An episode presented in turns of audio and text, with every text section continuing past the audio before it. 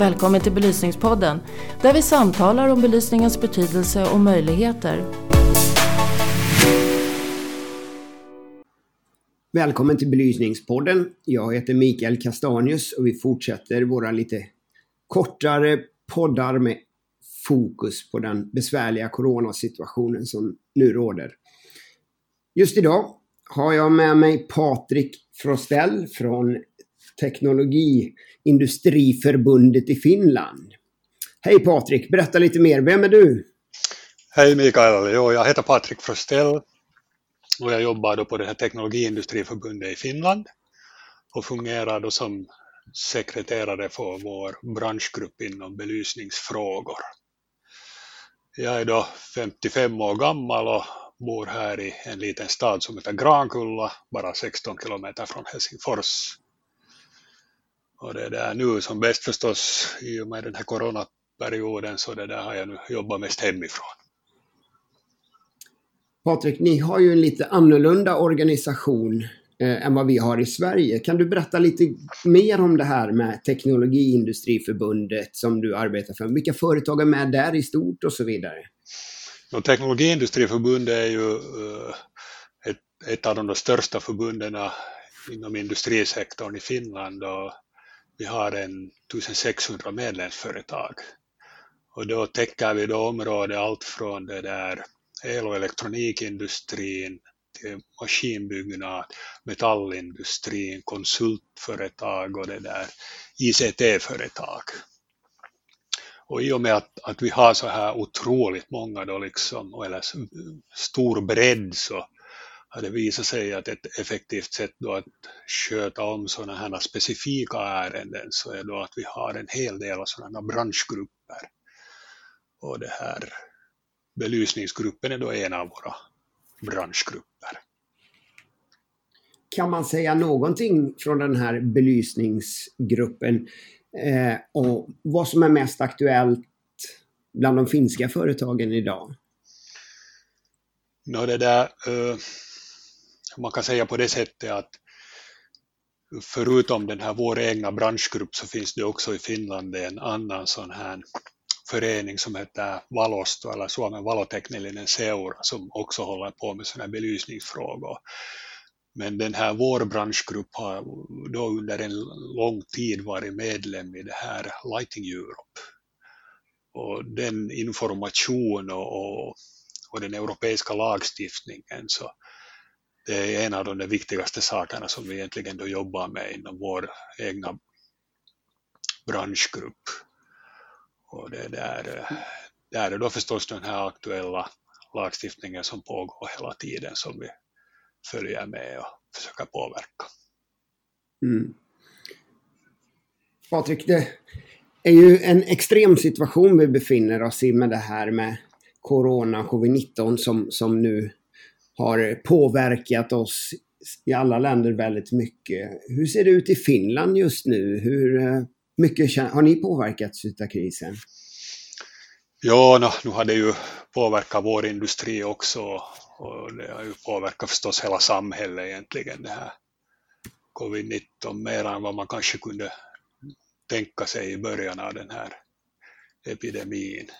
Att det där, I Finland har vi ju kört med en ganska strikt linje. Att jag förstår att vår linje har varit ganska i linje med vad man har i Norge och Danmark kanske kört med. Att, att vi har ju märkt att, att i Sverige har man då haft en mera öppen linje. Och, och jag vet inte själv vilken är det rätta alternativet men att vi gör väl det bästa vi kan och så här har vi nu i Finland beslutat göra att vi hade ju här en kort period även så att, att den här huvudstadsregionen eller Nylands län var ju till och med avstängt från resten av Finland så att det var ju ett ganska speciellt tillfälle. Men nu har ni börjat öppna upp igen lite grann va? Skolorna ja, har öppnat ja, upp i viss mån. Har ja. man märkt några bakslag ännu utav den lite mer öppna linjen som man har just nu? Ja, skolorna börjar ju faktiskt så att, att skolorna årskurserna 1 till 9 så de försökte här redan tidigare då börja med att gå tillbaks till den här uh, undervisningen i klassutrymmen och det där en del skolor fick ju sen ändå nästan genast stänga på nytt på grund av att det, det uppdagades vissa coronafall sen då i skolan. Men annars så tror jag nog att ganska många skolor har lyckats ändå fortsätta den här verksamheten. Om man tittar lite grann på, på de företag, för jag vet att ni jobbat en del med att försöka titta på vad som händer bland företagen inom eh, ert förbund då.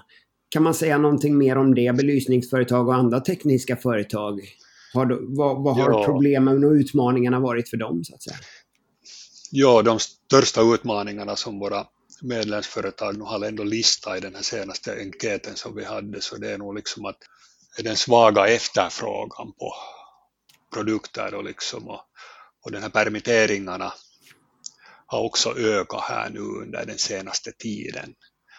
Att den här våren har gått ändå relativt bra inom, inom vår egna bransch men att så som det ser ut bland de här statistikpersonerna på vårt kontor så förutspår nog liksom att hösten kommer att egentligen vara svårare än vad den här våren har varit. Mm. Att om man ser på byggnadsbranschen så ser det ut som om de företag eller de byggprojekten som redan har börjat då före den här epidemin har ju rullat på enligt, enligt tidtabell men att nu spår vi att sen hösten kommer att vara svårare egentligen leveranser och så vidare från andra länder, har det påverkat er mycket negativt bland företagen vad du upplever? No, jag stött på förstås att en del företag har ju haft problem att få, få liksom leveranser till sin egen produktion. Och det där, eh, ibland har jag till och med hört just om, om att Italien har till exempel varit då svårt att få någonting från för de stängde väl ner ganska totalt om sin egen verksamhet i något skede var ju också Asien kanske lite sådär hotad men att det har nu verkat rulla ändå på nu på senaste tiden helt, helt OK. Du nämnde lite grann om eh, permitteringar och i Sverige har ju vi fått en hel del stöd, statligt stöd. Vi har fått eh, hjälp med arbetsgivaravgifter, bättre möjligheter för sjuklöner och permitteringar och så vidare. Där staten har tagit ett ansvar och hjälpt företagen. Har, har det skett några sådana beslut även i Finland? Ja, no, det är egentligen inom Teknologiindustriförbundet så har vi det där en, en specifik hemsida då för, för de här coronaepidemin och det där, där är då listat just liksom åt våra, för våra medlemsföretag att vilken typs hjälp som man kan förvänta sig då varifrån man kan få hjälp. Att personligen har jag inte sen desto mera följt med de här olika alternativen till, till stöd och hjälp som företagarna kan få. Men på vår hemsida finns de då. Men är det din uppfattning att de finska företagen är ganska nöjda med det stöd man har fått? Eller? Ja, förstås alltid när man frågar företag om vad de tycker om myndighet och så där vidare så hör det väl till att man ska lite klaga på någonting men att det där i, i stort sett så har vi ju ändå klarat oss ganska bra. Att det där hösten ser ju sen blir ju en spännande att se hur den går den där hösten sen i framtiden. Är det någon annan för, fråga som du upplever eh, ibland de finska, främst belysningsföretagen då kanske, men som är väldigt het på agendan just nu och en fråga som du jobbar med som upptar er tid så att säga. Kanske med lite fokus då på belysningsföretagen. Om vi ser lite framom horisonten och, och funderar på att vad händer efter den här coronaepidemin så de här klimatfrågorna är ju fortfarande på tapeten sen ännu i fortsättningen. Och det där, Finland har ju satt som mål att vara heter det klimatneutral, klimatneutral 2035.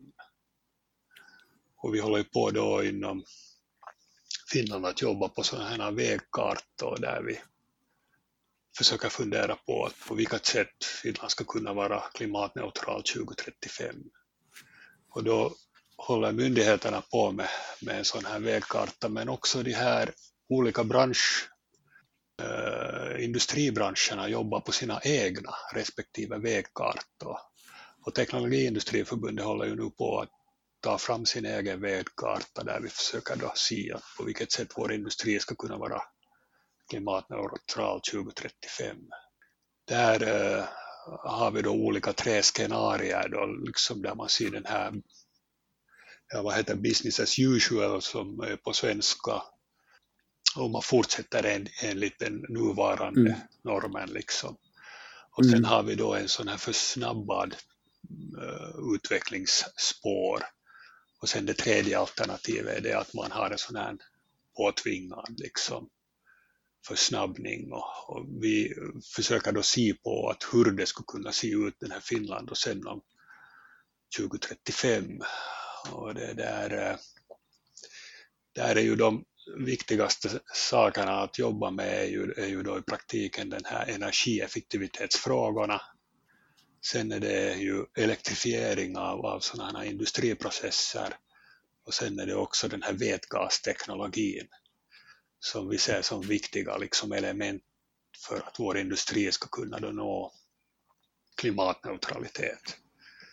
Eh, alltså vår industri har ju då förstås eh, egna utsläpp men, vi har också produkter och teknologi som erbjuder övriga industrin lösningar på hur de ska kunna minska på sina koldioxidutsläpp.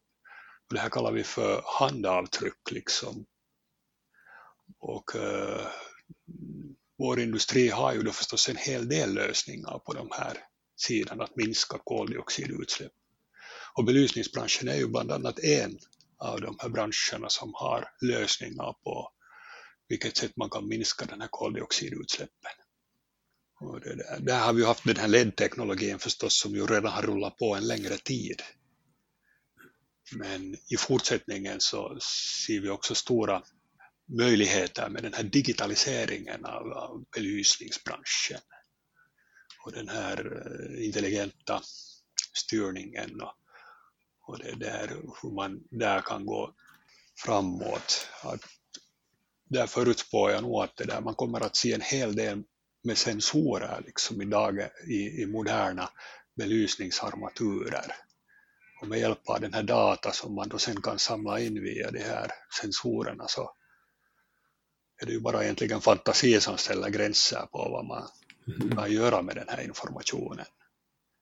Bland annat har jag hört om ett, ett sånt tanke nu i de här coronatiderna att man skulle kunna till exempel om man ska fara till kontoret då om man vill boka en plats på, på, på om du har ett sånt här äh, kontorslandskap så det där, då skulle du kunna boka en arbetsplats åt dig. Och det där, då är det ju kanske det säkraste informationen är om du kan se att har belysningen på denna arbetsplats varit på under det senaste dygnet eller inte.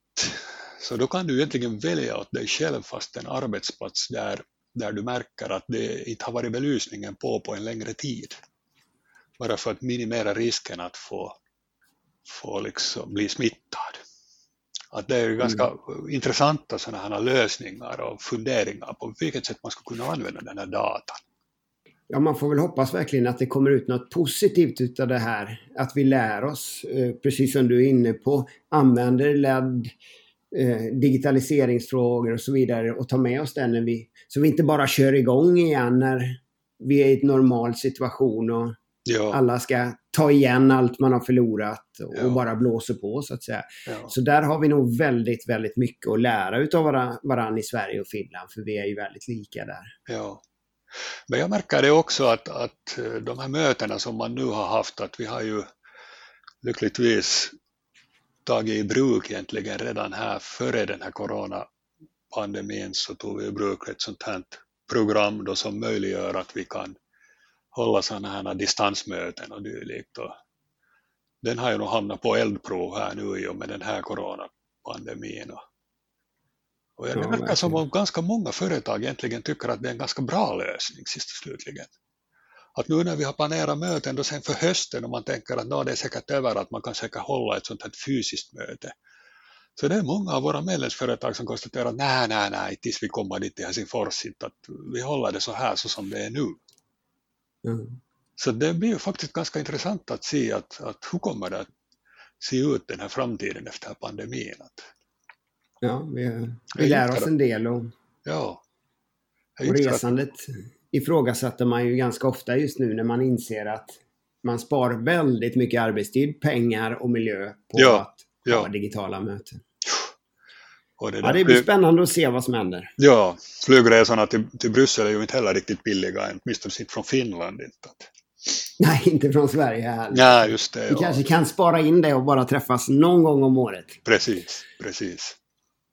Patrik, jag tack- tackar dig så hemskt mycket för att du tog dig tid och eh, ställa upp i den här podden. Och eh, vi får väl anledning att återkomma till eh, lite mer diskussioner kring vad som händer i Finland och Sverige. För vi har mycket att lära av varandra tror jag, men först ska vi försöka ta oss igenom den här besvärliga situationen vi befinner oss i. Precis. Tack ska du ha. Tack så mycket Patrik! Jo, tack.